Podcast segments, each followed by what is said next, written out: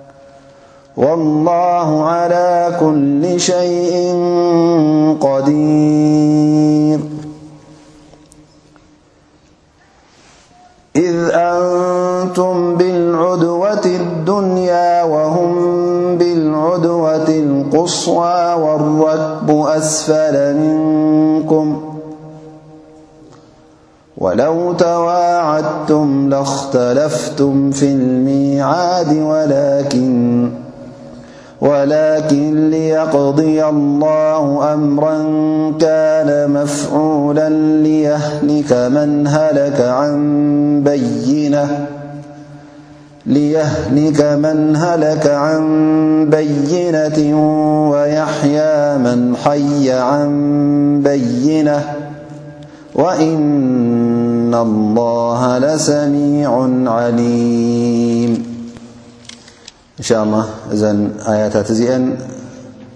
ሎም መዓልቲ ክንፍስረንን ክንትንትነንን ኢና ኣላ ስብሓን ወተዓላ እውን ብደገፉን ሓገዙን ክሕወሰና ደጊምና ደጋጊምና ዱዓ ንገብር ኣላ ስብሓን ወተዓላ ኣብዚ ኣያ እዚኣ እቲ ኣፍደገ ናይ ተውባ ክፉት ከም ምዃኑ ወላ እውን እቶም ከሓቲ እቶም ፈፂሞም ብኣላ ስብሓን ወተዓላ ኣሚኖም ዘይፈልጡ እቶም ምስ ኣላ ስብሓን ወተዓላ ሽርካ ዝገብሩ ዝነበሩ እንተ ደኣ ብሓቂ ናብ ኣላ ስብሓን ወተዓላ ክምለሱ ድልት ኣለዎም ኮይኑ እሞ ኸዓ እንተ ደኣ ተመሊሶም እውን ኣላህ ስብሓነሁ ወተዓላ እቲ ቕድሚ ሕጂ ዝፈጸምዎ ገበናት፣ እቲ ቕድሚ ሕጂ ዝገበርዎ ሽርክን ክሕደትን ኣላህ ስብሓነሁ ወተዓላ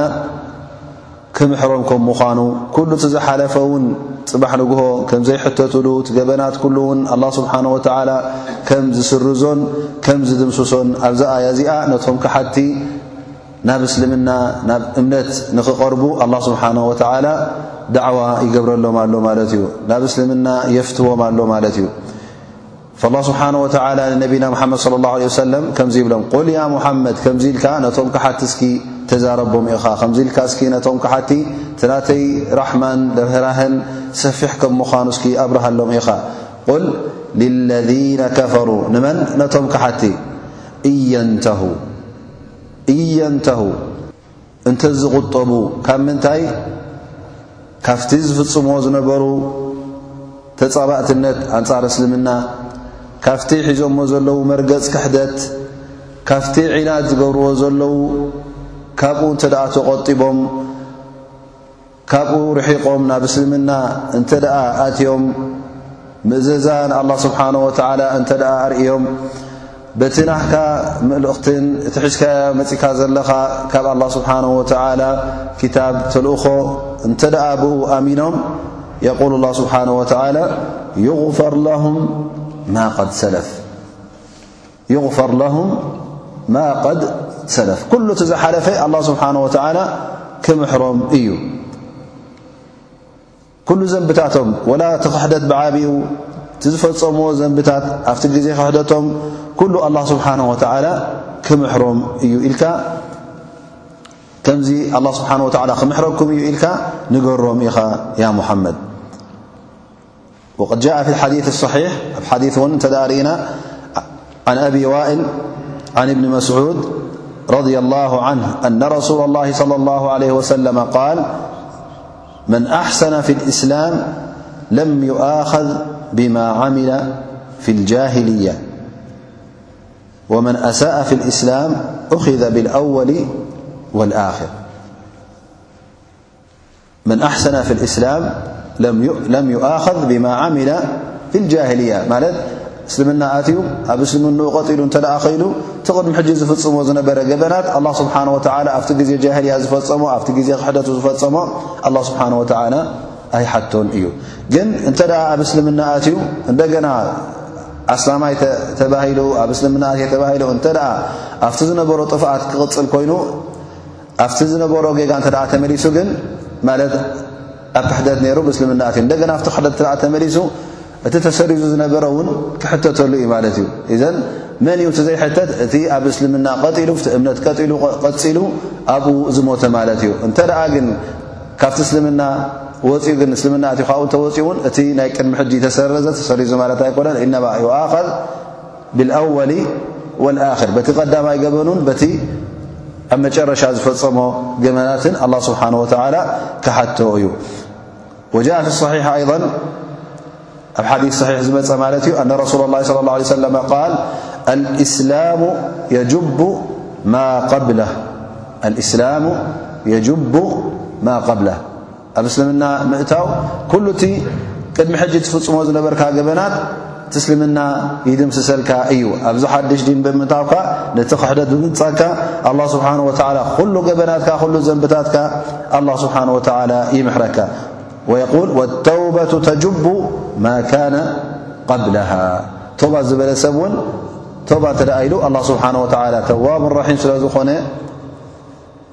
ነዚ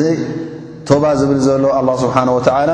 ንሳሐኡ ናብ ኣላ ስብሓን ወተዓላ ዘቕረበ ኣላ ስብሓን ወተዓላ ቶባ ክብለሉ ከም ምዃኑ ወላ እውን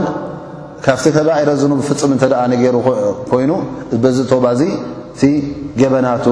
ይድምሰሰሉ ማለት እዩ ቶባ ክትብል ከለኻ ግን ከምቲ እንፈልጦ ኩላሕና በቲ ናቱ ቅድሚ ኩነት ሽሩጥ ናቱ ከተማልእ ኣለካ ማለት እዩ እቲ ዝገብሮ ነበርካ ኣጣዒሱካ ድሕሪ ሕጂ እውን ናብዚ ጌጋ እዚ ናብዚ ገበን እዚ ንኽትምለስ እውን ድልት ከም ዘይብልካ ንያ ጌርካ እውን ኣይምለስን እየ ዝብል ሓሳባት ኣሚምካ ክትከይድ ከለኻ ነዚ ነገር እዚ እውን ብጣዕሚ ጸሊእካዮን እቲ ትገብሮ ነበርካ ገበናት እውን ኣጣዒሱካን ክኸውን ከሎ እዚ ሕጂ ናይ ብሓቂ ቶባ ኢልካ ትቐርብ ኣለኻ ማለት እዩ ቶባ ክትብል ከለኻ ውን እቲ ከባይረ ዝኑብ ዝበሃል ዓበይቲ ዘንብታት ወላ ውን ሽርክ ኮይኑ ወላ ውን ዝምውናን መስተ ምስታይን ዕብዳንን ሰኽራን ኮይኑ እዚ ካብቲ ከባይረ ዝኑብ ዝበሃል ሕሜታ ዝኣመሰለ ካብኡ ቶባ ክትብል ከለኻ ኣላ ስብሓን ወተዓላ ቶባ ይብለልካ እዩ ማለት እዩ እቲ ንኣሽቱ ድማ ብዝያዳ እሱ ይስረዝ ማለት እዩ ምክንያቱ እቲ ንኣሽቱ ንገዛ ርእሱ ብስትቕፋር እውን ብሰናይ ተግባር እውን ክስረዝ ይኽእል እዩ እዘን እስልምና ንገዛ ርእሱ ናይቲ ክሕደት ኩሉ ዝገብሮ ነበርካ የጥፍእ ቶባ ድማ ወላ ብእስልምና ከለካ ትገብሮ ነበርካ ገበናት እውን ቶባ እንተ ኢልካ ኣላ ስብሓን ወተላ ቶባ ስለ ዝብለልካ ገበናትካ ኩሉ ይስረዝን ይድምሰስን እዩ ል ስብሓ قل للذين كفروا أن ينتهوا يغفر لهم ما قد سلف وإن يعودوا فقد مضت سنة الأولين وإن يعودوا وإن يستمروا أنت دع قلم ك لت افت حز زلو مر ت قلم እሞ እቲ ናህካ ጻውዒት ምቕባል እንተ ኣብዮምሞ ናብቲ ሓቂ ምእታው ምቕራብ እንተ ኣብዮም እሞ እቲ ንሕና ሒዝናዮ ዘለና ይበልጽ ኣብኡ ኢና ንቕጽል እንተ ዝብሉ ኮይኖም ግን ኣላ ስብሓን ወተዓላ በዚ ታህዲድ እዚ ይህድዶም ኣሎ ማለት እዩ ቐድ መት ሱነቱ ኣወሊን ኣይ ቐድ መደት ሱነቱና ፊ ልኣወሊን ኣላ ስብሓን ወተዓላ ነቶም ዝኣበዩ ነቶም ካሓቲ ቅድሚ ሕጂ ኣብ ታሪኽ ርኢኹሞ ኣለኹም፣ ተማሂርኩሞ ኣለኹም፣ ተዓዚብኩሞ ኣለኹም። ኩሎም እቶም ኣንጻርቲ ድልት ኣላ ስብሓን ወተዓላ፣ ኣንጻርቲ እምነት፣ ኣንጻርቶም ልኡኻን ዝኾዱ ዝነበሩ ኣላ ስብሓን ወተዓላ ኣብቲ ክሕደቶም ምስ ቀጸሉ ነዞም ሰባት እዚኦም ጌና ኣብ ኣዱንያ ከለዉ ቀጺዕዎም እዩ ኣብ ዮም ልቅያማ እውን ካብኡ ዝዓቢ መቕጻዕቲ ይጽበዮም ኣሎ ስለዚ ምን ሱነት ላ ስብሓን ወተላ ኣነሁ ካነ ዩዓጅሉ መን ከዘብ ብልዕቁባ ዝኸሓዱ ኣላህ ስብሓን ወተዓላ መቕጻዕቲ የውርደሎም እዩ። ስለዚ እቶም ናይ ቀደም መለበሚ ይኹንኹም ታሪኾም ምሳኹም ኣሎ እቲ ዝሓለፈ ታሪኽ እውን ተዓዚብኩሞ ኢኹም ስለዚ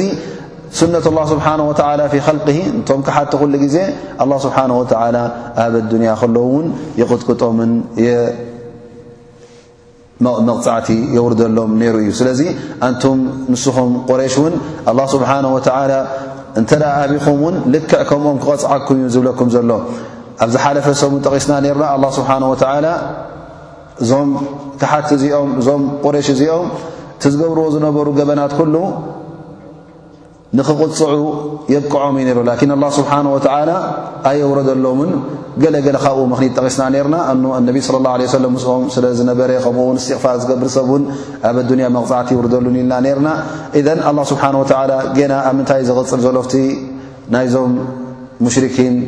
ተግባራት እቲ ሒዞሞ ዘለዉ ገበናት ስለ ዝኾነ እቲ ሒዞሞ ዘለዉ መርገጽ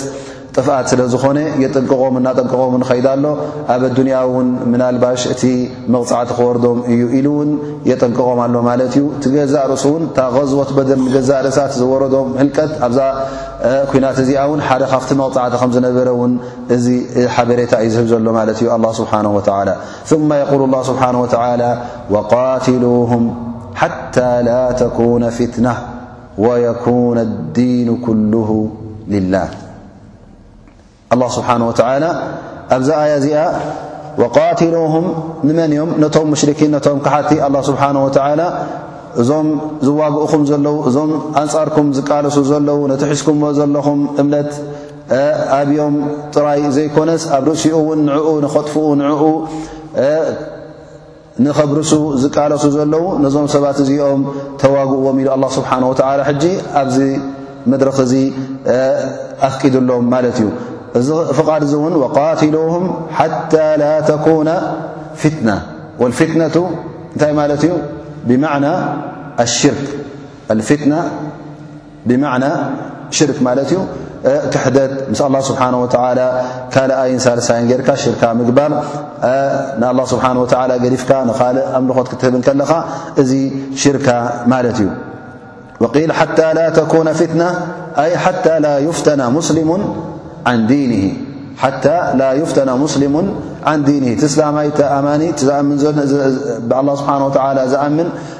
ካብቲ እምነቱ ምእንቲ እዞም ጸላእቲ እዚኦም ካብኡ ባሕጊጎም ንኸየውጽዎ ካብቲ እምነቱ እውን እንደገና ናፍቲ ጥፍኣት ኣብቲ ሽርካ ምእንቲ ንኸይመልስዎ ተቓለስዎም ኢኹም ተዋግእዎም ኢኹም ኢሉ ኣላ ስብሓን ወተዓላ ትእዛዝ የመሓላልፍ ኣሎ ማለት እዩ ረዋ ልብኻሪ ዓን እብኒ ዑመር ሓደ መጺኡ ይዛረዎ ማለት እዩ ካብቲ ዝበሎ ቃላት ማለት እዩ ፈኢና ላ ስብሓን ወተላ የቁል ወቃትሉሁም ሓታ ላ ተኩነ ፊትነቱ ኢሉ ተዛሪብዎ ማለት እዩ እዛ ኣያ እዚኣ ንዓ ኣብ ግብሪ ዘይተውዕል ኢሉ ይሓቶ ማለት እዩ ንእብኒ ዑመር ጠብዓ እዚ ሕቶ እዚ ክሓቶ ከሎ ኣብቲ ኣብ መንጎ እስላም ዝነበረ ፊትና ኣብኡ ንኽ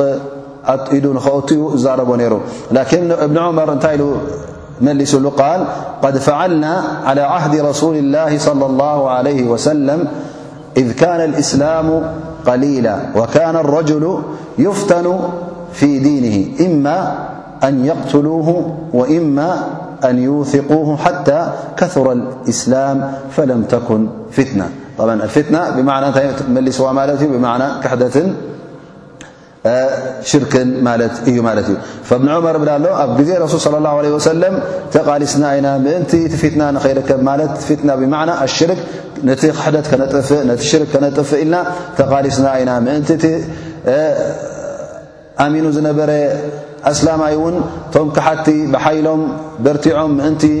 ንኸይመልስዎ ካብቲ እምነቱ ናብ ክሕደት ንኸይመልስዎ ካብቲ ሒዝዎ ዘሎ መገዲ ሓቂ ብሓይሊ ናፍቲ ጥፍኣትን ናፍቲ ሽርካ ንኸይመልስዎ ተቓሊስና ኢና ብ ግዜ ረሱል صለ ላه ለ ወሰለም ተቓሊስና ድማ እነሀልካት ስልምና ኣብዚ መድረኽ እዚ ኣብፅሕናዮ ትሽርኪ ዝጠፍኣሉ ሰዓት ኮይኑ እምነት እውን ኣብ ኩሉ ገዛ ዝኣተወሉ ኮይኑ ኢሉ መሊሱሉ ማለት እዩ ኢዘን የቁል ስብሓ ላ ሓታ ላ ተኩነ ፊትና ኣይ ትሽርክ ንሱ ንኸይዕብልል ትጥፍኣት ክሕደት ንኸይዕብልል ተዋግኡ ኢኹም ተቓለሱ ኢኹም ምእንቲ እዚ እምነት እዚ ቀፃሊ ንክኸውን እቲ እምነት ሓደ ብኣላ ስብሓን ወተዓላ እውን ምእንቲ ንሱ ንኽዕብልል እታ መመላእታ ናይ ኣያ እንተዳርእናያ እውን ንኡ ነዚ ነገር እዚ ዝያዳ ተብርህ ማለት እዩ ሓታ ላ ተኩነ ፊትና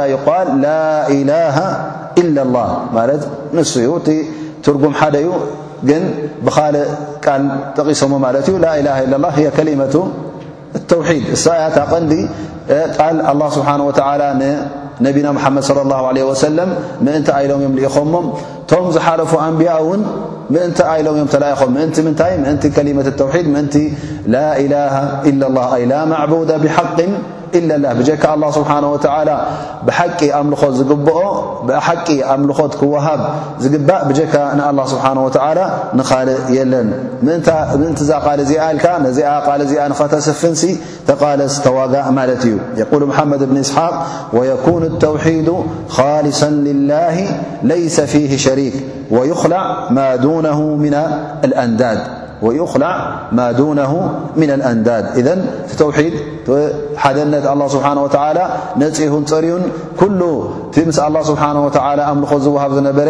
ንሱ ክውገድ ኣለዎ፣ ንሱ እውን ክርሕቕ ኣለዎ። እቲ ተውሒድ እውን እቲ ሓደነት ኣላህ ስብሓነሁ ወተዓላ ውፅእን ንፁህን ኮይኑ እቲ ኣምልኾት ንኣላህ ስብሓነሁ ወተዓላ ጥራይ ክኸውን ኣለዎ ማለት እዩ።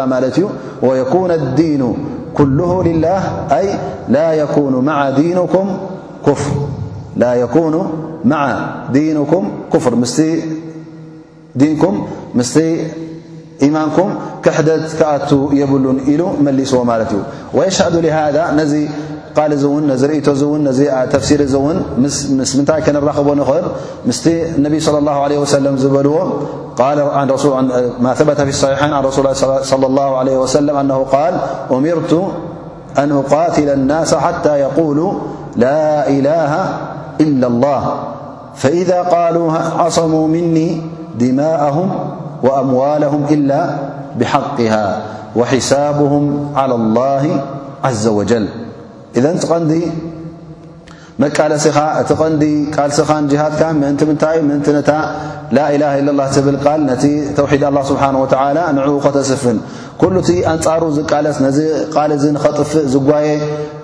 መገዲ ሽርኪ ሒዙ ነዚ እምነት እዚ ኸጥፍእ ዝቃለስ ንስኻ ውን ክትቃለሶ ኣለካ ክትዋግኦ ኣለካ ማለት እዩ ከምቲ ኣላ ስብሓን ወተዓላ ዝኣዘዘካ ወነቢይ صለ ላሁ ለ ወሰለም ሱኢል ዓን ረጅሊ ይቃትሉ ሸጃዓ ወይቃትሉ ሓምያ ወይቃትሉ ርያእ ኣዩሁም ኣው ኣዩ ዛሊካ ፊ ሰቢል ላህ ነቢ ስለ ላሁ ለ ሰለም እውን ተሓቲቶም እዮም ሓደ ሰብ ምናልባሽ ዋጋ ኸውን ክዋጋኣ ከሎ ምእንቲ ተባዕ ንክበሃል ትብዓት ሒዞ ተባዕነት ሒዝዎ ይቃለስ ይዋጋእ ከምኡ ውን ገሊኦም ውን ምእንቲ ቀቢላ ኮይኑ ምእንቲ ወገን ኮይኑ ምእንቲ ስድራ ኮይኑ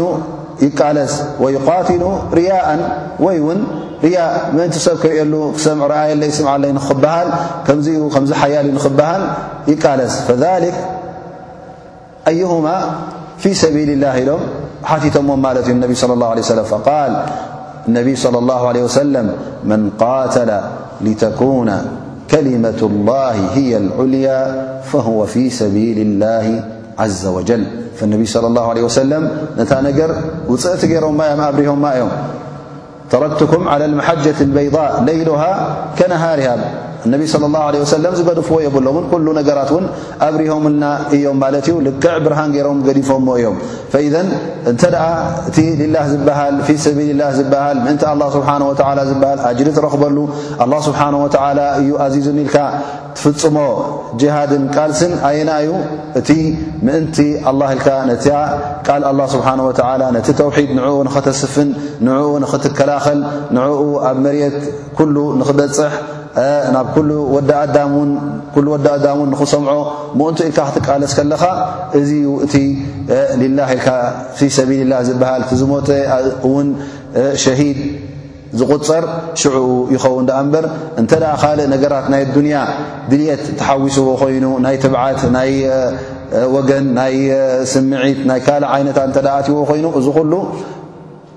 ፊ ሰቢል ላህ ምእንቲ ኣላ ስብሓን ወተላ ኣይበሃልን እዩ እንታይ ደኣ ምእንቲ እቲ ተቓለስካዮ እዩ ዝበሃል ማለት እዩ ቃል ፈኢን እንተሃው ፈኢን እንተሃው ኣይ ብቅታልኩም ዓማ ሁም ፊሂ ምና ልኩፍር ማለት በቲ ንስኹም ትገብርዎ ዘለኹም ቃልሲ ካብቲ ዘለዎ መርገፅ ካብቲ ዘለዎ ክሕደት እንተ ደኣ ደው ኢሎም ካብኡ እንተ ደኣ ተቆጢቦም እቲ ብልቦም ዘሎ ኣላ ስብሓን ወተዓላ ይፈልጦ ላኪን እዞም ሰብኣት እዚኦም እንተ ደኣ ካብቲ ተፃባእትነትን ካብቲ ክሕደትን ደው ኢሎም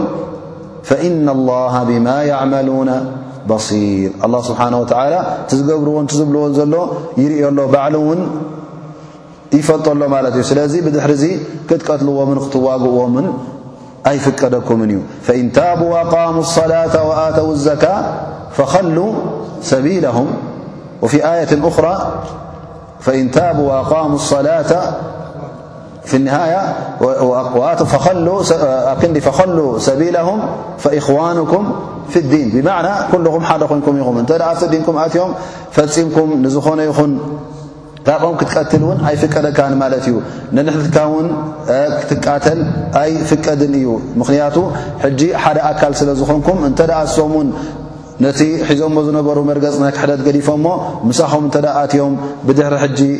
ሕብሮምን ወገኖምን ብዘየገድስ ኩልኹም ሓደ ኮንኩም ብሓደ ዲን ስለ ዘለኹም ሓደ ሕውነት ኣለኩም ማለት እዩ ስለዚ ክትቃተሉም ክትዋግኡሞምን ኣይፍቀደኩምን እዩ ዝብል ዘሎ ኣላ ስብሓን ወተላ ወቃትልሁም ሓታ ላ ተኩነ ፊትና ወየኩነ ዲኑ ልላህ በርዱ ኣብ ካልእ ኣያ ማለት እዩ ፈእን እንተሀው ፈላ ዑድዋና ኢላ ዓላ ዛልሚን እንተ ደው ኢሎም እተ ተቖጢቦም ከዓ ፈላ ዑድዋና ኢላ ዓላ ዛልሚን እቲ ዝግበር ህጁም ኮይኑ መቕፃዕቲ ኮይኑ ቃልሲ ኮይኑ ኣንፃር መን ይኸውን ዘለዎ ኣንፃርቶም ዓመፀኛታት ኣንፃርቶም ሙሽርኪን ኣንፃርቶም ዘይናቶም ዝደልዩ ማለት እዩ ሊክ ነቢይ ለ ላ ለ ሰለም ሓደ ጊዜ ኡሳማ ኡሳማ እብኒ ዘይድ ኣብ ጅሃድ ተኻፊሉ ነይሩ ማለት እዩ እናተዋግኡ ከለዉ ኡሳማ ሕጂ ነዚ ሙሽሪክ እዚ ክዋግኡ መፅኡ እናተቓተሉ ከለዉ ኣብ መጨረሻ ክቐትሎ ምስ ቀረበ እቲ ሙሽሪክ እንታይ ኢሉ ማለት እዩ ላኢላሃ ኢላ ላ ኢሉ ማለት እዩ ኡሳማ ኣብኡ ከሎ በታ ሴፉ ቐትልዎ فደرበ فተ ذ ረሻ صى اله عليه ሉ ተرب እዩ فقال النبي صلى الله عليه وسلم أقتلته بعد أن قال لا إله إلا الله نذ قال مس بل تلكي إلم النبي صى اله عليه وسلم وكيف تصنع بلا إله إلا الله يوم القيامة فقال أساما يا رسول الله إنما قالها تعوذا እዚ ሰብ እዚ እዋጋእ ነይሩ ቀትልእኒ እውን ተዓጢቑ እዩ ነይሩ ላኪን ኣብ መጨረሻ ምስ ተሰዓረ ከይቅተል ኢሉ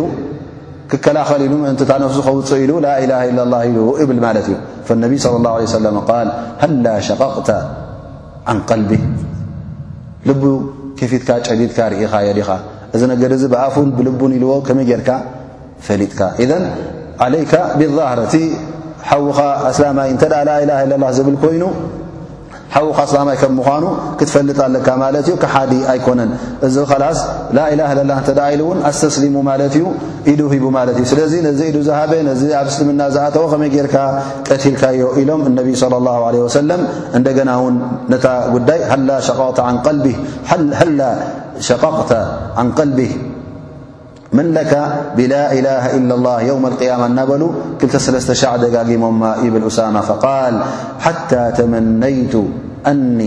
ለም ኣኩን ኣስለምት ኢላ ዛሊከ ልየውም ክሳዕ ኣነስ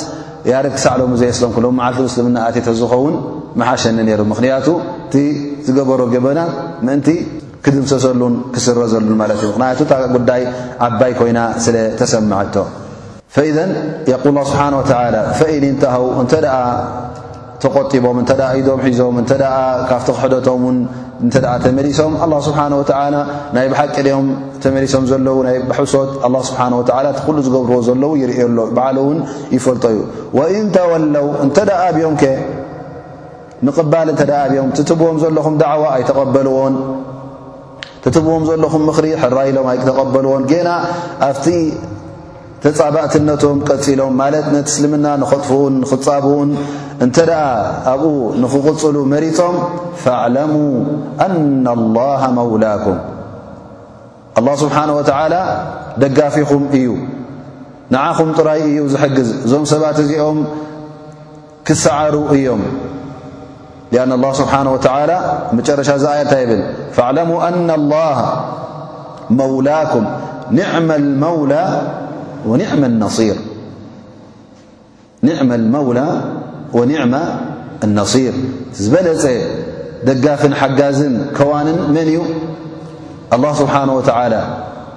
መን እዩ ዓወት ዘጨብጠካ ብጀካ ኣላ ስብሓን ወተዓላ ዓወት ዘጨብጥ ኣሎ የለን እዘን እዞም ሰባት እዚኦም እንተ ኣብዮም እንተ ኣብቲ ክሕደቶም ቀፂሎም ኣብቲ ተፃብነቶም ኣንፃር እስልምና ዝቃለሱ እተ ኮይኖም ኣንቱም ባሮተይ ኣነ ምሳኹም ኣለኹ ኣነ ከዐውትኩም እየ ኣንፃር ፀላእትኹም ምኽንያቱ እቲ ዝበለፀ ደጋፍን እቲ ዝበለፀ ሓጋዝን ኣላ ስብሓን ወተዓላ እዩ እሶም ሸይጣን መሪፆም ኣለዉ ናብ ሰይጣን ተጸጊዖም ኣለዉ ንሱ እዩ ዝድግፎምን ዝሕግዞምን ንስኹም ከኣ ኣንቱም ባሮተይ ኣነ ደጋፊኹም ኣነ ሓጋዚኹም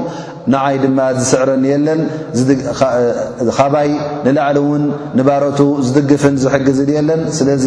እቲ ዓወት ክትጎናጸፍዎ ኢኹም ትጸብለልትነት ኩሉ ግዜ እውን ንዓኹም ጥራይ እዩ ኢሉ ኣላ ስብሓን ወተዓላ ነዞም ሙእምኒን ከምዚ ዝኣመሰለ ቃል ይኣትወሎም ኣሎ ማለት እዩ። እዚ ቃል እዚ ድማ እንታይ እዩ ብዝያዳ ናብቲ እምነት ንክቕፅሉ ብዝያዳ ድማ እቲ ቃልሲ ኩሉ ግዜ ዕዉታት ከም ምዃኖም ንክኣምኑ ድሕር ንኸይብሉ ኣላ ስብሓን ወተዓላ ናብቲ ሓቂ ንክቕፅሉ ይደፋፍኦም ኣሎ ማለት እዩ። ፈዕለሙ ኣና ላሃ መውላኩም ኒዕመ ልመውላ ወኒዕመ ነሲር ኣላ ስብሓን ወተዓላ ከምዚ ዝኣመሰለ ቃል ክኣትወልካ እንከሎ ካብዚ ዝበልፅ እሞ እንታይ ኣሎ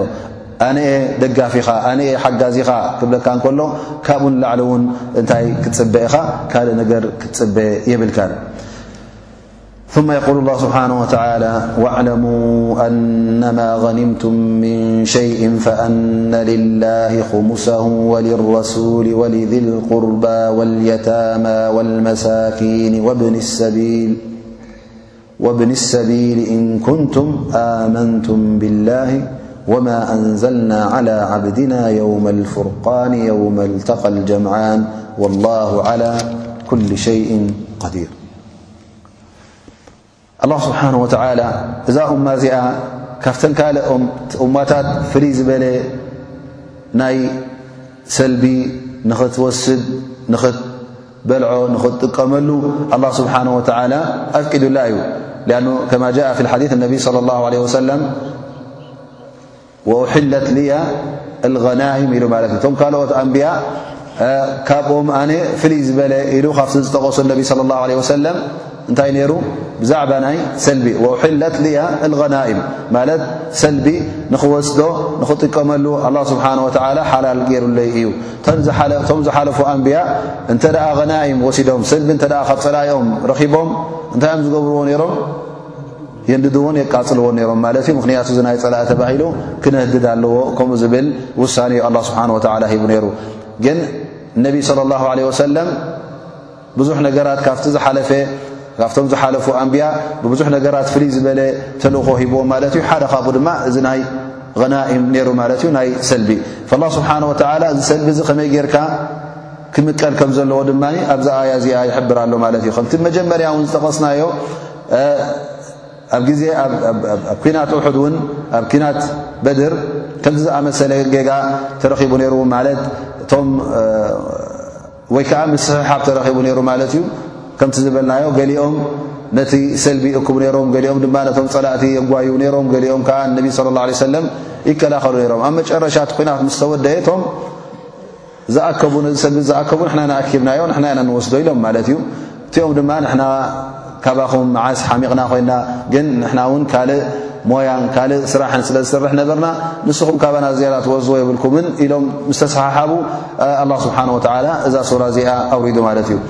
ኣብዛ ሱራ እዚኣ ድማ እነሀ ከመይ ጌርካ ክምቀል ከም ዘለዎ ኣላ ስብሓን ወተዓላ ሓበሬታ ይህብ ኣሎ ማለት እዩ ፈየቁል ስብሓን ወተዓላ ዋዕለሙ ኣነማ ኒምቱም ወልኒማ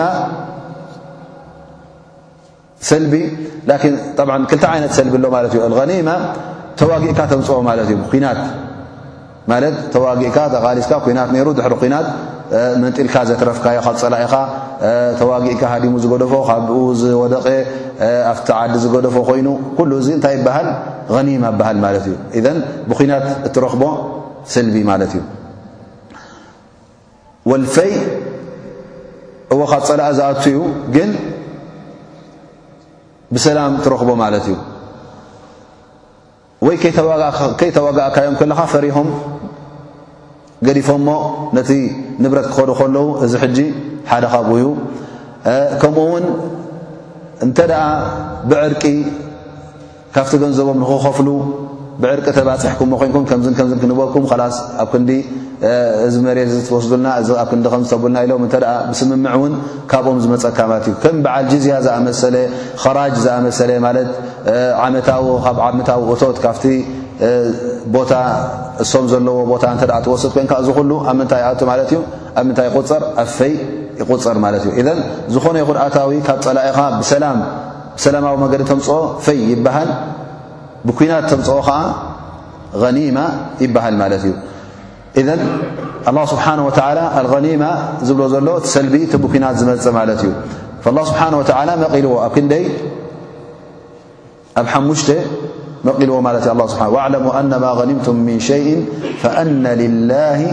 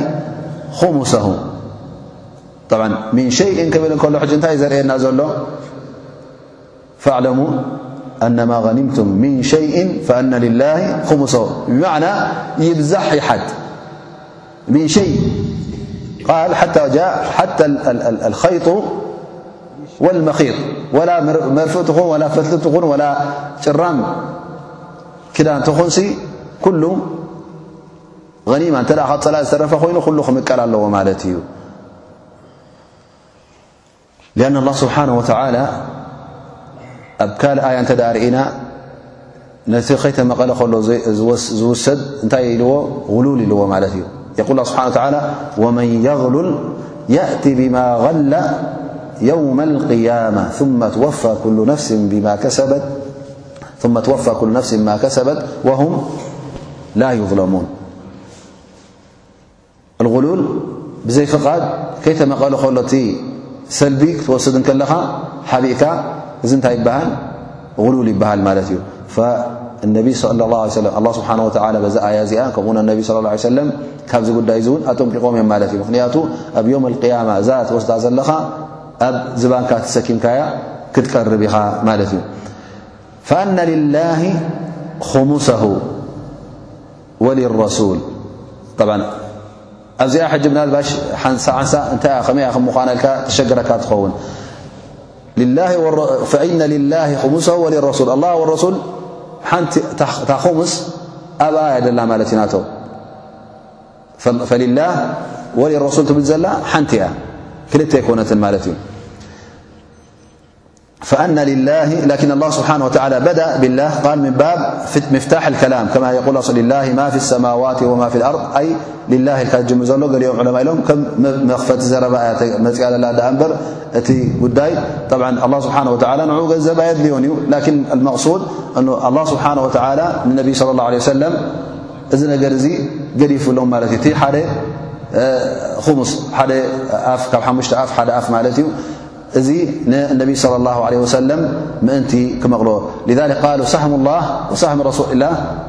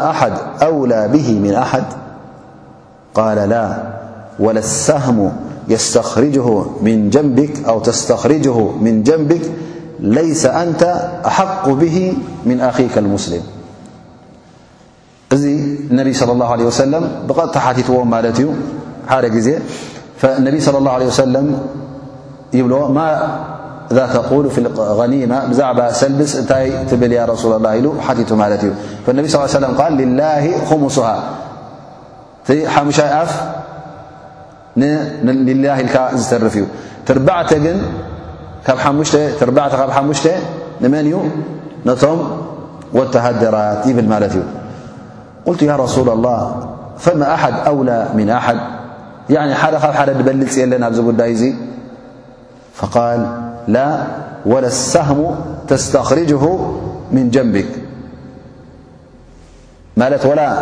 ካብ ጸላኢ ንኣብነት ሕጂ ኩናት ድርብዮም እሞ ኸኣ እዚ ኩናት እዚ ንዓኻ ይህረምካ ኣብ ጎንኻ ይእቶ እዚ ኩናት እዚ ዳሕራይ ኣውጽእካዮ ካብ ጎንኻ ካብ እግርኻ ማለት ሃሪሙካ ማለት እዩ ወላ እዚ ሕጂ ንስኻ ተሃሪምካሉ ከለኻ ውን ንዓኻ ኣይበሃልን እዩ እንታይ ደኣ እዚ ምስቲ ኩሉ ሰልቢ ክሕወስ ኣለዎ እዩ ዝብሉ ዘሎ ኣድ ነቢ ስ ሰለም ለይሰ ኣንተ ኣሓق ብሂ ምን ኣኺከ ልሙስሊም ኩልኹም ሓደ ዩ ድብፅሓኩም ምኽንያቱ ኩልኹም ኣብ ሓድቲ መስርዕ ኮንኩም ኣብ ሓደ ወገን ኮንኩም ትቃልሱ ስለ ዘለኹም እትን ካፍትን ዝበልፅ የለን ኢሎም እነቢ صለ ላه ለ ወሰለም ጠቒሶም ማለት እዩ ወረወ ልእማሙ ኣሕመድ ዓን ልምቅዳም እብኒ ያዕዲ ከርብ الكندي أنه جلس مع عبادة بن الصامت وأبي الدرباء والحارث بن معاوية الكندي رضي الله عنهم فتذاكروا حديث رسول الله لى الل ي وسلم فقال أبو الدرباء لعبادة يا عباد كلمات رسول الله صلى الله عليه وسلمفي غزوة كذا وكذا في شأن الأخماس فقال عبادة أن رسول الله صلى الله عليه وسلم - صلى بهم في غزوة إلى بعير من المغنم فلما سلم قالقام رسول الله صلى الله عليه وسلم فتناول وبرة بين أنملتيه فقال إن هذه من غنائمكم وأنه ليس لي فيها إلا نصيبي معكم إلا الخمس والخمس مردود عليكم فأدوا الخيط والمخيط وأكبر من ذلك وأصغر ولا تغلوا فإن الغلول نار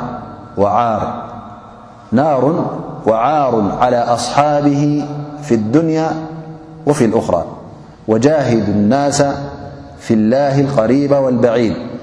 ولا تبالوا في الله لومة لائم وأقيموا حدود الله في الحضر والسفر وجاهدوا في سبيل الله فإن الجهاد باب من أبواب الجنة عظيم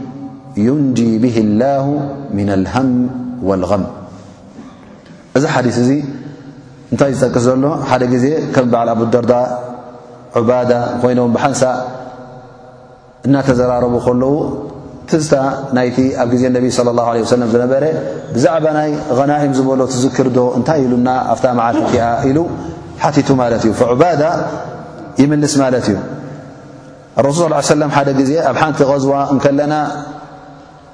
እታ ቐዝዋ እታ ኩናት ምስ ተወደአት ነቢ صለ ላሁ ለ ሰለም ሰጊዶም ክሰግዱ ከለዉ ኣብቲ ቅድሚኦም እንታይ ነይሩ በዒሩን ምና ኣልغኒማ ገመል ካብቶም ዝሓዝዎም ማለት እዩ ካብቲ ሰልቢ ነዚ ገመል እዚ ኮፍ ኣቢሎም ማለት እዩ ይሰግዱ ነይሮም ማለት እዩ ከም መከላኸሊ ገይሮሞ ሱትራ ናይ ሰላት ገይሮሞ ማለት እዩ ሰላት ነቢ ስ ሰለም ምስ ወድኡ እነቢ ስ ሰለም ተሲኦም እንታይ ገብሩ ካብቲ ገመል ካብቲ ጨጉሩ ማለት እዩ ካብቲ ሱፍ ናቱ ካብቲ ታሽሙ ምጭጭ ኣቢሎም ኣብ ኣጻብዕቶም የቕርቡዋ ማለት እዩ ፈየቁል ነቢ እና ሃذ ምን غናኢምኩም እዚ ጨጉሪ እዚ ትሪእዎ ዘለኹም ካብዛ ገመል ዝመንጨጭክዎ እሱ ንገዛእ ርእሱ ይብሉ ነቢ ስ ሰለም ምን غናኢምኩም ማለት ካብቲ ሰልቢ እዩ ዝቁፅር ለይሰ ሊ ፊሃ ሸይ ኣነ ንገዛእ ርሱ እውን ካብቲ ኣላ ስብሓን ወተዓላ ዘወሰነለይ ኹሙስ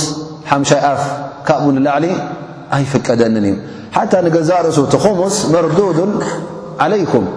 ናባኹም እዩ ዝምለስ ሊኣን ኣላ ስብሓን ወተዓላ ብዛ ኣያ እዚኣ ክንጠቕሶም ኢና ክመፁና እዮም እቶም እቲ ኹሙስ ንገዛእ ርእሱ እቲ ሓሙሻይ ኣፍ ዝበሃል ዘሎ ንነቢይ ስለ ላ ሰለም ይተርፍ ዝበሃል ኣብ ሓሙሽተ ክምቀል እዩ ኩሉ እነቢ ስ ሰለም ንኦም ክጥቀምሉ ማለት ኣይኮነን እንታይ ደኣ ንሶም ባዕሎም ከመሓድርዎ ተባሂሉ ደኣ እምበር ካልእ ኣይኮነን ወልኹሙሱ መርዱድ ዓለይኩም ፈኣዱ ኣልኸይጣ ወልመኺጥ ማለት ኩሉ ወላ ፈትሊ ኮይኑ ወላ ገመድ ኮይኑ ወላ እውን መርፍእ ኮይኑ ዝኾነ ይኹንሲ ኩሉ ዝኣከብኩሞ ከተምጽዎ ኣለኩም ከተቕርብዎ ኣለኩም ይዕበ ይንኣሽ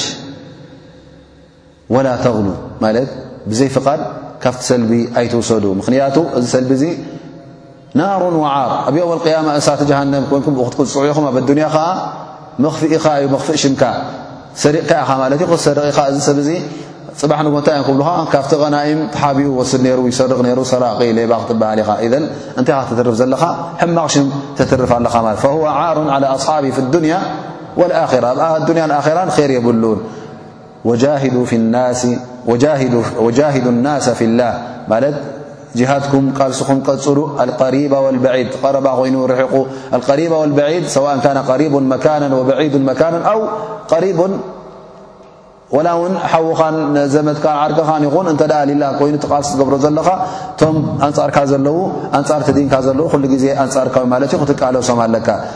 ወላ ቱባሉ ፊላሂ ለውመተ ላይም ኩሉ ግዜ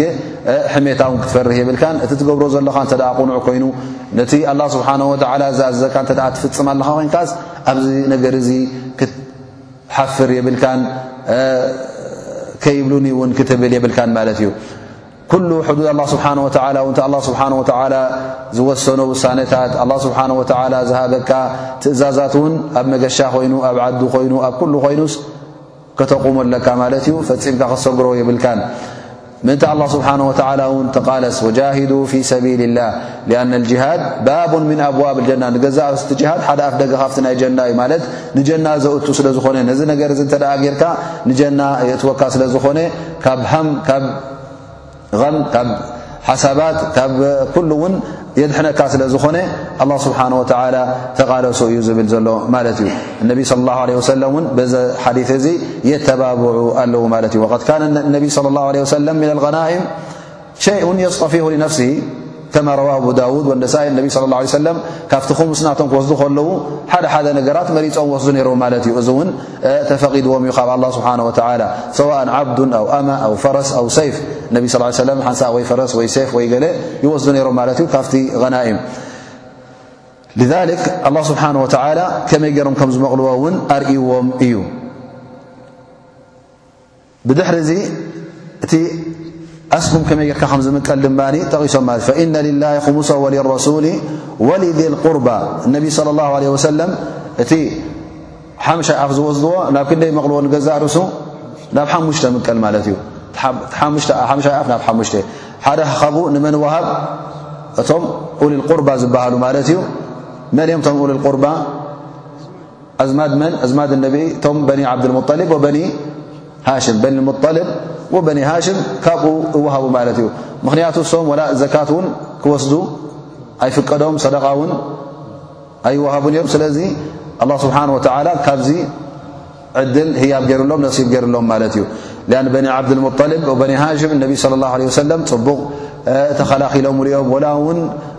ገና ኣብቲ ክሕደት እንከለዉ እውን ንነቢ ስለ ላ ለ ሰለም ገና ብ እስልምና ከይኣተዉ ከለዉ እውን ሓምየተን ምእንቲ ወዲ ሓቦኦም ኮይኑ ይቃለሱሉን ይከላኸሉሉን ነይሮም ኣብ ሽዕብ በኒ ሃሽም ኩሎም እውን ኣትዮሞ እዮም ነይሮም ማለት ቁሬሽ ኣንጻር ነቢ ስ ላ ሰለም ኣንጻር በኒ ሃሽም ኩሉ እቲ ርክባ ዘሎ ቆሪፃ ምስኦም ኣይትመራዓዉ ኣይትሽጡሎም ኣይትግዝኡሎም ኢሎም ናይ ኣኮኖማውን ህብረተሰባውን ምቁራጽ ገይሮም ማለት ነቲ ዝነበረ ርክባት ቆሪጾም ንበይኖም ደቂ መካ ከለዉ ምስቶም ደቂ መካ ንኸይራኸቡ ንበይኖም ኣብ ውሱን ሽንጭሮ ኣብኡ ድርብሞም ነይሮም ማለት እዩ ኩሎም እውን እንታይ ገብሩ ነይሮም እቲ ዝወርድ ዝነበረ ሽግር እቲ ዝወርድ ዝነበረ ጭንቂ በኒ ዓብድልሙጠልብን በኒ ሃሽምን ኮይኖም ተኻፊሎሞ እዮም ምእንቲ መን ምእንቲ ነቢና ሙሓመድ ለ ላ ለ ሰለም ክከላኸሉ ክብሉ ፈኢነ ላ ሙሰ ወሊርባ ርባ ወሲዶም ማለት ወልየታማ ከምኡ ውን ካብዚ ሓምሻይ ኣፍ ተባሂሉ ዘሎ ካብኡ ውን ተመቒሉ ሓደ ካብኡ ንመን ዋሃብ ነቶም የታማ ዋሃብ ذ ነቢ ስ ሰለ እቲ ኹሙስ ዝበሃል ዘሎ ናባኹም ዩ ዝምለስ ክብልዎም ከለዉ እዚ ዩ እቶም የታማ ሕጂ ይወስዱ ኣለዉ ማለት እዮም የታማ የታማ ሙስሊሚን ማለት ኣቦን ኣቦኡ ዘይብሎም ንኣሽቱ ቆልዑት ማለት እዩ ወልመሳኪን መሳኪን ድማ ከለ ዘይብሎም ድኻታት በተኻት ዝኾኑ እዚኦም እውን ኣላ ስብሓን ወተዓላ ካብዚ ኹሙስ ዕድል ገይሩሎም ማለት እዩ ሓደ ኣፍ ወሲዶም ማለት እዩ ወእብኒ ሰቢል እብኒ ሰቢል ወ ገያሻይ ማለት እዩ ገያሻይ ኮይኑ ኣብ መገዲ ናኸደ ከሎ እቲ ሒዝዎ ዝኸይ ዝነበረ ስንቂ ዘቋረጾ ማለት እዩ እንተ ደኣ ስንቁ ኣለኹ ምስኡ ኮይኑ ግን ኣይወሃብን እዩ ግን ወይ እንተ ደኣ ኣለዎ ስንቂ ግን ዘይኣኽሎ እንተ ኮይኑ ዓዱ ዘየብጽሖ እተ ኮይኑ ድማ ንዓዱ ዘብጽሖ ትውስኸሉ እንተ ደኣ ግን ወይ ፈጺሙ ስንቂ ዘይብሉ ኮይኑ ጉድለት ናይ ስንቂ ኣለዎ ገለ ሽግር ኣጓኒፍዎ እዚ ክሳብ ዓዱ ዝኸይድ ድኻ ስለ ዝኾነ ክሕገዝ ኣለዎ እንተ ግን ኣለዎ ኮይኑ ንዘለዎ ኣይወሃብን እዩ ግን ኣብ ዓዱ ሃፍታ ምናልባሽ ይኸውን ወላ ሃፍታም ይኹን ኣብ ዓዱ ኣብቲ ዘለዎ ቦታ ገንዘብ ስለ ዘይብሉ ክረኽቦ ገንዘብ ን ክረክብ ስለ ዘይክእል ካብዚ ኣላ ስብሓን ወተላ ካብ ናይ ኒማ ካብ ናይ ሰልቢ ዕድል ገይርሉ ማለት እዩ ከምኡ ውን ኣብ ዘካት እውን ይወስድ እዩ ማለት እዩ ላኪን ኣብዚ እቶም ኩሎም ኣብቲ ዘካ ተጠቐሱ ኣይኮኑን ፍልይ ዝበሉ ሓሙሽተ ኣላ ስብሓን ወተዓላ ጠቒሱና ማለት እዩ እቶም ወታደር እቶም ሰራዊት መብዝሕቱ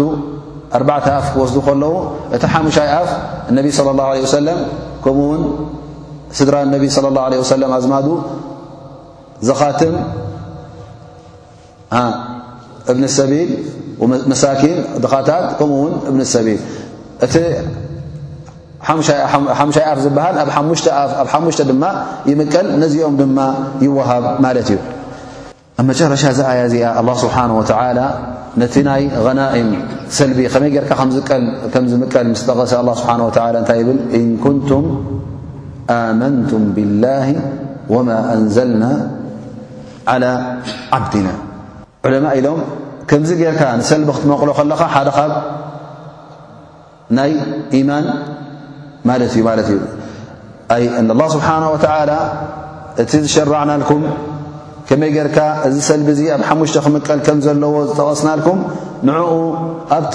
ኣብ ግብሪ ኣብ ተግባር ኣውዕልዎ ይኹም ብሓቂ እንተ ደኣ ብኣላህ ስብሓን ወተዓላ ትኣምኑ ኮይንኩም ብሓቂ እንተ ደኣ በቲ መዓልቲ የውም ኣልቅያማ ምጽኣት ዓለም ትኣምኑ እንተ ኮይንኩም ብሓቂ እውን በቲ ኣላ ስብሓን ወተዓላ ናብ ነቢ ሙሓመድ ስለ ላሁ ዓለ ወሰለም ዘውረዶ ተኣምራት ዓወታት ዘርኣየኩም እንተ ደኣ ትኣምኑ ኮይንኩም ነዚ ግበሩ ማለት እዩ እንተ ደኣ ነዚ ዘይፈጸምኩም ታ እምነትኩም ጉድለት ኣለዋ ማለት እዩ እታ እምነት ነክያ ኣላ ማለት እዩ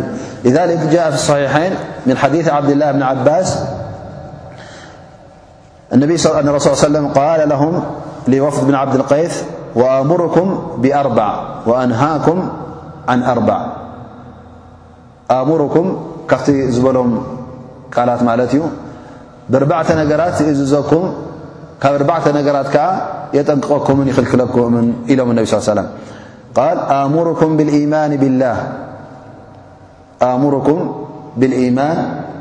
بالله ثم قال هل تدرون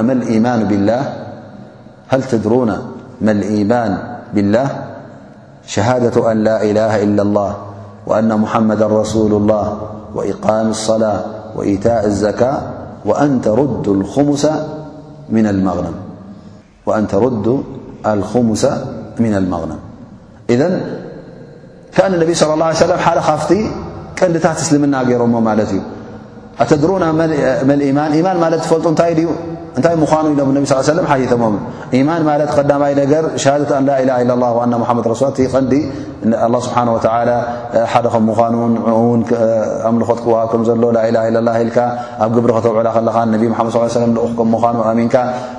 እቲ እሱ ኣነቢ ስ ሰለም ዝኣዘዝዎን ዝበልዎን ኣብ ግብሪ ክተውዕል ግዴታ ከም ምዃኑ ኣእሚንካ ኣብ ግብሪ ክተውዕል እንከለኻ ኣብ ርእሲኡ ኢቃም ሰላ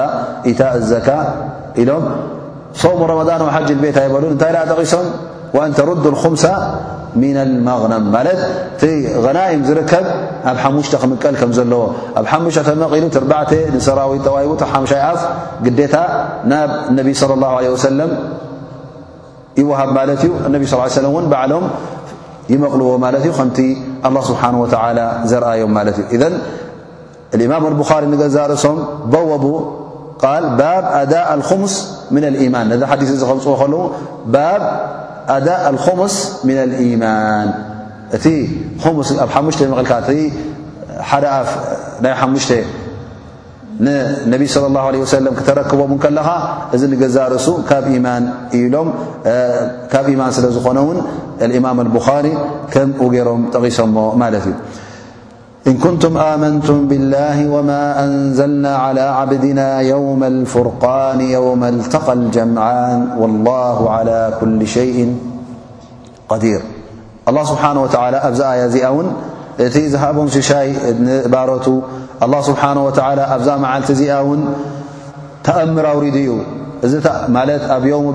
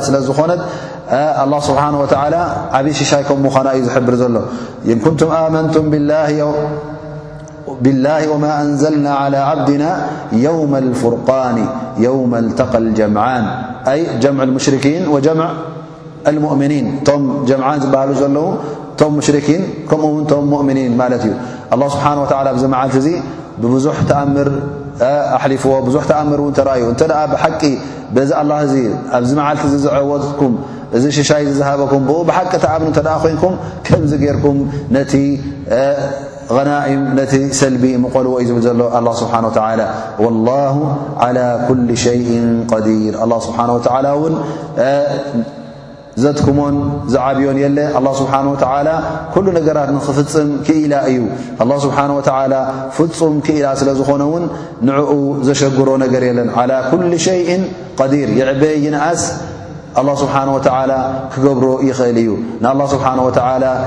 ዘሸግር ነገር የለን ኣላ ስብሓን ወተዓላ ክበፅሖ ኣይክእልን እዩ ትብሎ ነገር የለን ማለት እዩ ላ ስብሓን ወተዓላ ክእለቱ ወሰን የብሉን ፍፁም ክኢላ ከም ዝኾነ እዛ ኣያ እዚኣ በዚ እውን የውድኣ ማለት እዩ ኣላ ስብሓን ወተዓላ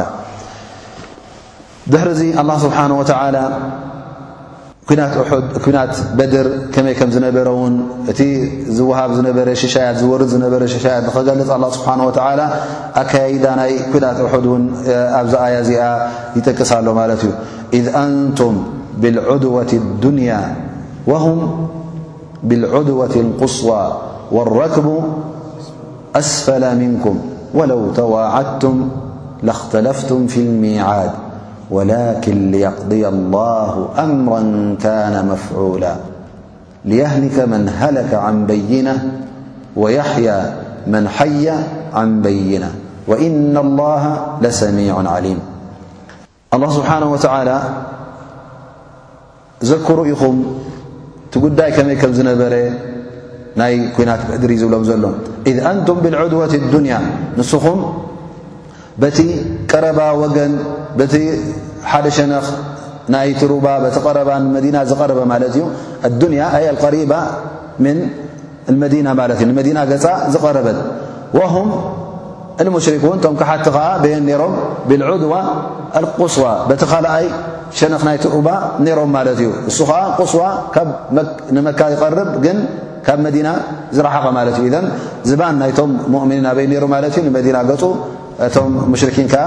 ንመካ ነይሩ ማለት እዩ ኣብዚ ሰዓት እዚ ገጽ ንገጽ ተረኣኹምሉ ሰዓት ወረክቡ ኣስፈላ ምንኩም ኣረክብ መን እዩ ኣቡ ሱፍያን ምስቲ ቃፍላ ናቱ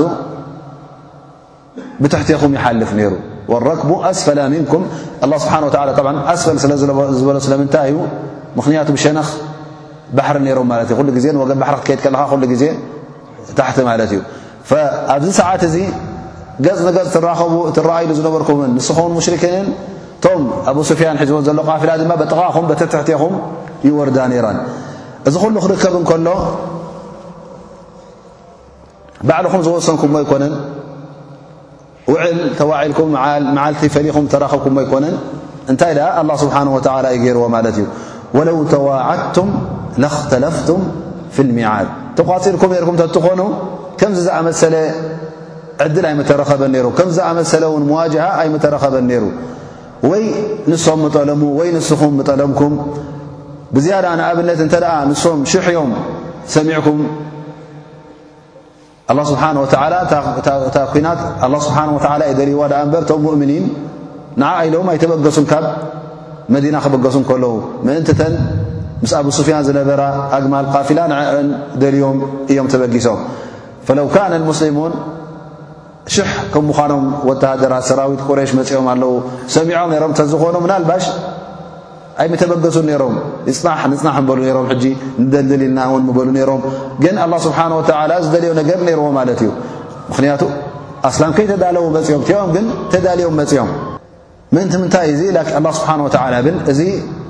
ኣላ ስብሓን ወተዓላ ባዕሉ ዝወሰኖ እዩ ወላኪን ልየቅድያ ላሁ ኣምራን ካነ መፍዑላ ኣላ ስብሓን ወተዓላ ዝደልዮ ነገር ነይሩዩ ደኣ እምበር ባዕልኹም ብቆፀራ ተራኸብኩምዎ ኣይኮንኩምን ኣላ ስብሓን ወተዓላ እስልምና ክኸብርን እስልምና ክዕወትን ስለ ዝደለየ እቲ ክሕደትን ጥፍኣትን ሽርክ እውን ክዋረድን ክወድቕን ክሰዓርን ስለ ዝደለዮ ኣብዚ ሰዓት እዙ ኣላ ስብሓን ወተዓላ እዛ ኩናት እዚኣ ንኽትርከብ ወሲኑ ንስኹም ግን ፈፂምኩም ኣይሓሰብኩምዎን ነርኩም ፊ ሓዲት ከዓብ እብኒ ማልክ ይብል እነማ ኸረጀ ረሱሉ ላ ስ ሰለም ካብ ነቢ ስለ ላ ሰለም ክወፁ ከለዉ ከምኡ እንቶም ሙስልሚን ምእንቲ ተን ዒር ቁረሽ ማለት ቃፊላ ናይ ቁረሽ ደልዮም ደኣ እምበር ኩናት ደልዮም ኣይኮኑን ሊክ ኣበይ ንሪኦ እዚያ ብዝያዳ ይብሉ ነቢይ ስለ ላሁ ለ ወሰለም በድሪ ዝበሃል ቦታ እቲ ዒላታት ዝነበሮ ማይ ዝስተዮ ዝነበረ እዩ ኣብኡ ምስ ቀረበ ንመን ልልእኽ ማለት እዩ ንዓሊ ከምኡ ውን ሳዕድ ብን ኣቢ ወቃስ ወዙቤር ከምኡ ውን መጅሙዓ ኮይኖም እቲ ቦታ እንታይ ከም ዘሎ ሙሽኪን በየን ከም ዘለዉ ገለ ድህሰሳ ክገብሩ እነቢይ ስለ ላሁ ለ ወሰለም ይሰዶም ማለት እዩ ነቢ صለ ላሁ ለ ወሰለም ነዛ መጅሙዓ እዚኣ መሰደደ እንትመደኹ ማለት እዩ ክልተ ቆልዑት እቶም ቁሬሽ ማይ ክወርድሎም ኢሎም ዝለኣኽዎም ኣብቲ ሩባ ወይ ከዓ ኣብቲ ዒላ ይረኽቦም ማለት እዩ ፈሒዞሞም ናበይ መፁ ናብ ነቢ ስለ ላሁ ለ ወሰለም ይቐርቡ ነቢ ስለ ላ ለ ሰለም ይሰግዱ ነይሮም ሕጂ ክሳዕ ሰላቶም ዝውድኡ ኣይፀንሑን ክምርምርዎም ጀሚሮም ማለት እዩ መን ኢኹም ንስኹም መን ይልእኹኩም ኢሎም ሓቲቶምዋ ንሕና ሰራዊት ናይ ቁሬሽ ምስ ኢና መፂና ማይ ኣምፁልና ኢሎምና ማይ ክነምፃሎም ኢና ወሪድና ይብሉ ላላ ሓሲኹም ኢኹም ይብልዎም ማለት እዩ ኣይኮንኩምን ኢሎም ክሃርምዎም ይጀምሩ ሓቂ ተዛረቡ ምስከትከትዎም ኢሎሞም ምክንያቱ እንታይ ደልዩ ነሮም ንሕናስ ናይ ኣብ ሱፍያን ኢና ተላኢኽና መፅና ክብሎም እዮም ደልዩ ነሮም ኣ ንሶም ቀንዲ ሽቶን ሃደፍን ነበርን ኣብ ሱፍያን ስለ ዝኾነ ኩናት ክኸውን እውን ደልዩ ነበሩን ኣስሓብ ነቢ ስ ሰለም ፈሃሪሞም ኣቢሎሞም ኣብ መጨረሻ ምስ ከትከትዎም ኢሎም እዎ ንሕና ናይ ኣቡሱፍያን ኣቡሱፍያን ዲኹና ኢሎሞም ኸላስ ገዲፎሞም ማለት እዩ ፈነቢ ስለ ላ ሰለም ሰግኑ ኢሎም ሰላቶም ውድእ ምስ ኣበሉ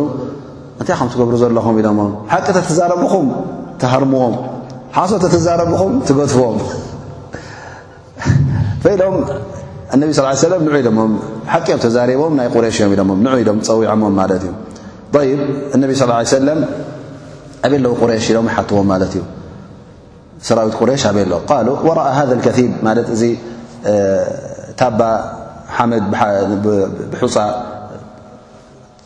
ተኣከበ ታባ ማለት እዩ ብድሕሪኡ ኣለዉ ይብሉ ማለት እዩ ክንደይ ይኾኑ ቁፅሮም ኢሎም ይሓቶም ነቢ ስ ሰለም ጣዓ ንኣሽ ስለ ዝነበሩ ብዙሕ ኣይፈልጡን እዮም ወላ ብዙሓት እዮም ፈቃል ነቢ ስ ሰለም ማ ዑደቶም እንታይ ኣለዎ ኣፅዋሮም ከንታይ ትፈልጡ ኢሎሞ ላ ነድሪ ንፈልጦ የብልና ፈነቢ ስ ሰለም ቁፅሪ ክፈልጡ ደልዮም ማለት እዩ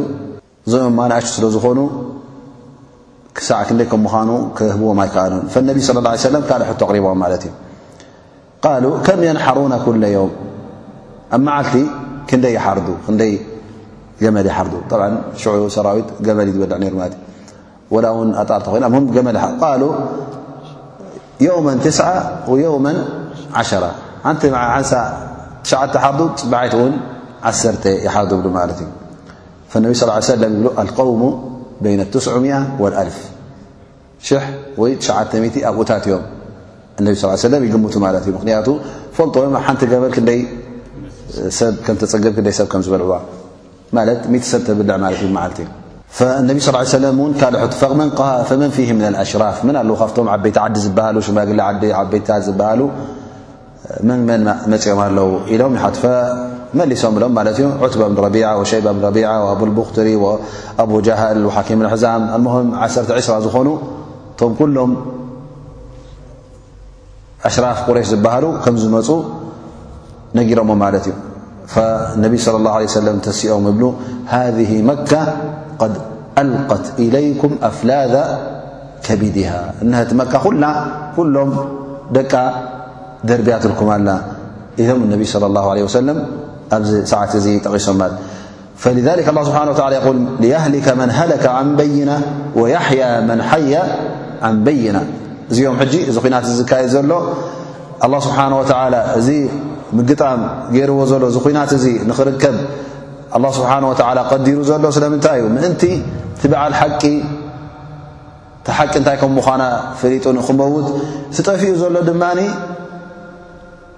በታ ሒዝዋ ዘሎ መጥፋእቲ ክጠፍእ ኣይ ልየክፍራ መን ከፈራ ባዕዳ ልሑጃ ጃ ወይ ከዓ ትመርትዖ ተራእዩሉ ማለት እዩ ኩሉ ነገራት እውን በሪሁ ትሓቂ በሪሁ ማለት እዩ ድሕሪ ሕጂ ካብዚ ንላዕሊ ተኣምር ዝመፅእ የለን ስለዚ እቶም ክሓቲ ድሕሪ ሕጂ ዝኽሕዱ ዘለዉ እናረኣዩ እናሰምዑን እዮም ዝኽሕዱ ዘለዉ ተኣሚኑ ዝኸይ ዘሎ ድማ መርትዖ ጨቢጡ እዩ ኣሚኑ ዘሎ ፈየቁል ስብሓን ወተላ ኢነማ ጀማዕትኩም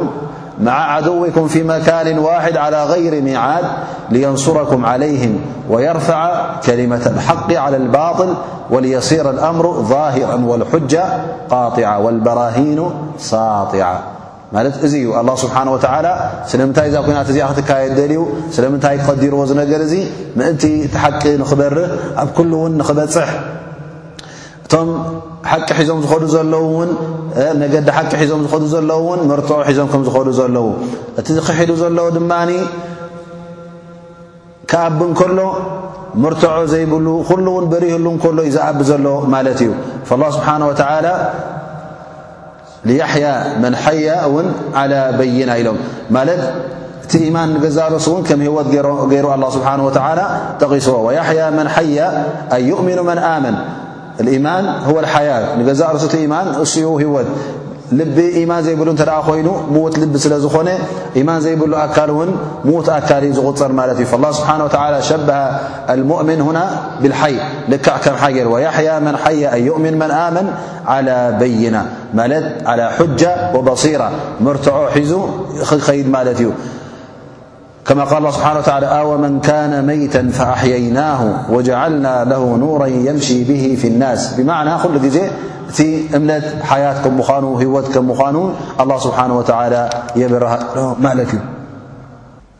ሊያህሊከ መን ሃለከ ዓን በይና ወያሕያ መን ሓየ ዓን በይና ወኢነ ላሃ ለሰሚዑ ዓሊም ኣላ ስብሓን ወተዓላ እውን ለሰሚዕ ሰማዒ እዩ እንታይ ይሰምዕ ኩሉ እቲ ድዓ ትገብርዎ ዘለኹም ኣንቱም ባረተይ እሰምዖ ኣለኹ ኩሉ ስቲ እስቲቓታ ሓገዝ ትጠልቡኒ ዘለኹም ኣነ ይሰምዖ ኣለኹ ብላ ኣሎ ማለት እዩ ምኽንያቱ ኣብ ኩናት በድር ኣላ ስብሓን ነቢ ስለ ላሁ ዓለ ወሰለም እቲ ቃልሲ እናተኻየደ ከሎ ጌና ቃልሲ ከይጀመረ ከሎ እንታይ እዮም ዝገብሩ ነይሮም ናብ ኣላ ስብሓን ወተዓላ ተወጅሆም ነይሮም ማለት እዩ እዝ ተስተቒፉነ ረበኩም ኢቓፋ ሓገዝ ካብ ኣላ ስብሓን ወተዓላ ይጠልቡ ነይሮም ላ ስብሓን ወተዓላ እቲ ድዓኹም ኩሉ ይሰምዖ እየ ዝብል ዘሎማለት ኢና ላ ወኢነ ኣላሃ ለሰሚዕ ሰሚዑ ሊዱዓኢኩም ዱዓኹም ኩሉ ይሰምዖ እየ እቲ ምህለላኹም ኩሉ ይሰምዖ እየ ሓገዝ ምሕታትኩም ውን ጥርዓንኩም ኩሉ ይሰምዖ ኣለኹ ዓሊሙን ኩሉ እውን ኣላ ስብሓን ወተዓላ ይፈልጦ ኣለኹ ይብላ ኣሎ ማለት እዩ ንስኹም ኣንቱም ባሮተይ ዓወት ይግብኣኩም ከም ምዃኑ ዓወት ናትኩም ከም ምዃኑ ይፈልጦ እየ ጸላኢኹም ድማ ክሰዓር ከም ዘለዎ ይፈልጦ እየ ጸላኢኹም ውን ኣንጻርኩም ይቃለስ ከም ዘሎ፣ እንታይ ውዲት ክገብር ከም ዘሎ እውን ይርእዮ ኣለኹ። ኣንጻር እቲ እምነት እውን እንታይ ዓይነት ውዲትን እንታይ ዓይነት ንጥፈታትን የካየድ ከም ዘሎ ይርእዮ ኣለኹ። ስለዚ መን እዩ እቲ ምእንታይ ዝቃለስ ምእንቲ እቲ እስልምና ኢሉ ዝቃለስ ዘሎ ምእንቲ ነቲ ኢማን ኢሉ ዝቃለስ ዘሎ ይፈልጦ እየ እሞ ኣነ እውን ከዐውቶ እየ ዝብል ዘሎ ኣላ ስብሓን ወተዓላ ወኢና ላሃ ለሰሚዑን ዓሊም ኢሉ ነዛ ኣያ እዚኣ በዚ ደምዲምዋ ማለት እዩ ላ ስብሓን ወተላ ካብኡ ዝሕባእ የለን መን እቲ በዓል ኢማን ኣላ ስብሓን ወተላ ይፈልጦ እዩ መን ዩ ኸዓ ትኸሓደ እውን ኣላ ስብሓን ወተላ ይፈልጦ እዩ ስለዚ ደርስና እውን በዚ ይደምደም እንሻ ላ እቲ ተሪፈን ኣብዚ ተሪፉ ዘሎ ደቃይቕ ድማ ከምቲ ልማድና እቲ ሓደ ክልተ ፋይዳ ዝሓዝናዮ ንዑ ደጊምና እንሻ ላ ንጠቕሶ ብእዝኒ ላ ተላ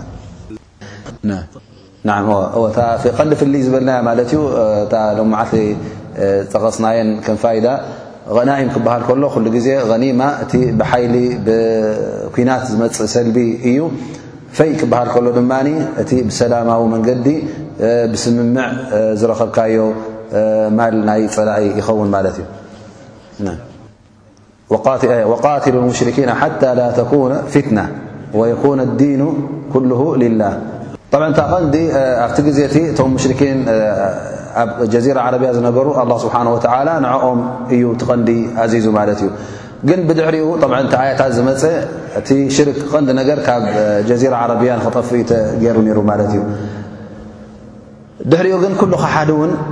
ኣንጻር እስልምና ስለ ዝቃለስ ዘሎ ንዕኦም እውን ትዋግኦም ማለት እዩ ብማዕና እስኻ ዘይክሓዲ ነስላማይ ክትዋግኦ ኣይፍቀደካን እዩ ማለት እዩ ነስላማይ ክትዋግኦ ኣይፍቀደካ እ ላኪን እንተ ክሓዲ ኮይኑ ክትዋግኦ ይፍቀደካ ማለት እዩ እንተ ክሓዲ ኣሎ ኮይኑ እውን ናይ ግድን ክትዋጋእ ኣለካ ኣይኮነን ቅድሚኡ መጀመርያ ዳዕዋ ክትገብር እዩ ዘለካ ማለት እዩ መድረኻት ኣሎ ግን እዚ ከም ትእዛዝ ትእዛዝ ኣሎ ማለት እዩ ኣላ ስብሓን ወተዓላ መጀመርያ ኣብ መካ ከለዉ ኣላ ስብሓን ወተዓላ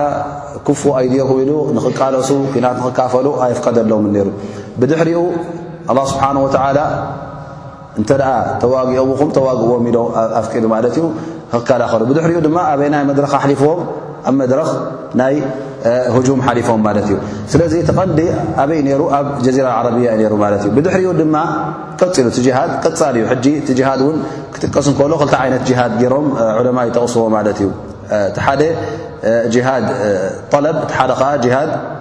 ደፍዕ ኢሎም ይመቕልዎ ማለት እዩ ጅሃድ ደፍዕ ማለት ናይ ምክልኻል ጅሃድ እዩ ትሕዝካዮ ዘለኻ